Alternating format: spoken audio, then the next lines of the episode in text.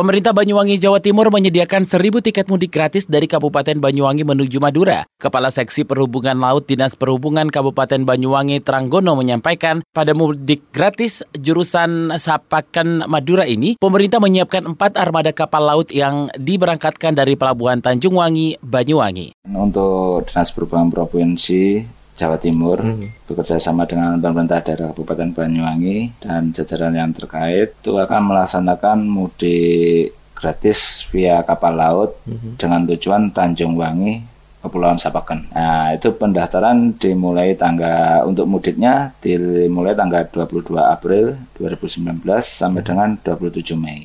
Tranggono menambahkan kuota tiket gratis ke Pulau Sapaken Sapakan ini diusulkan ke pemerintah Provinsi Jawa Timur untuk ditambah. Usulan penambahan ini untuk memfasilitasi masyarakat yang tidak mendapatkan tiket mudik.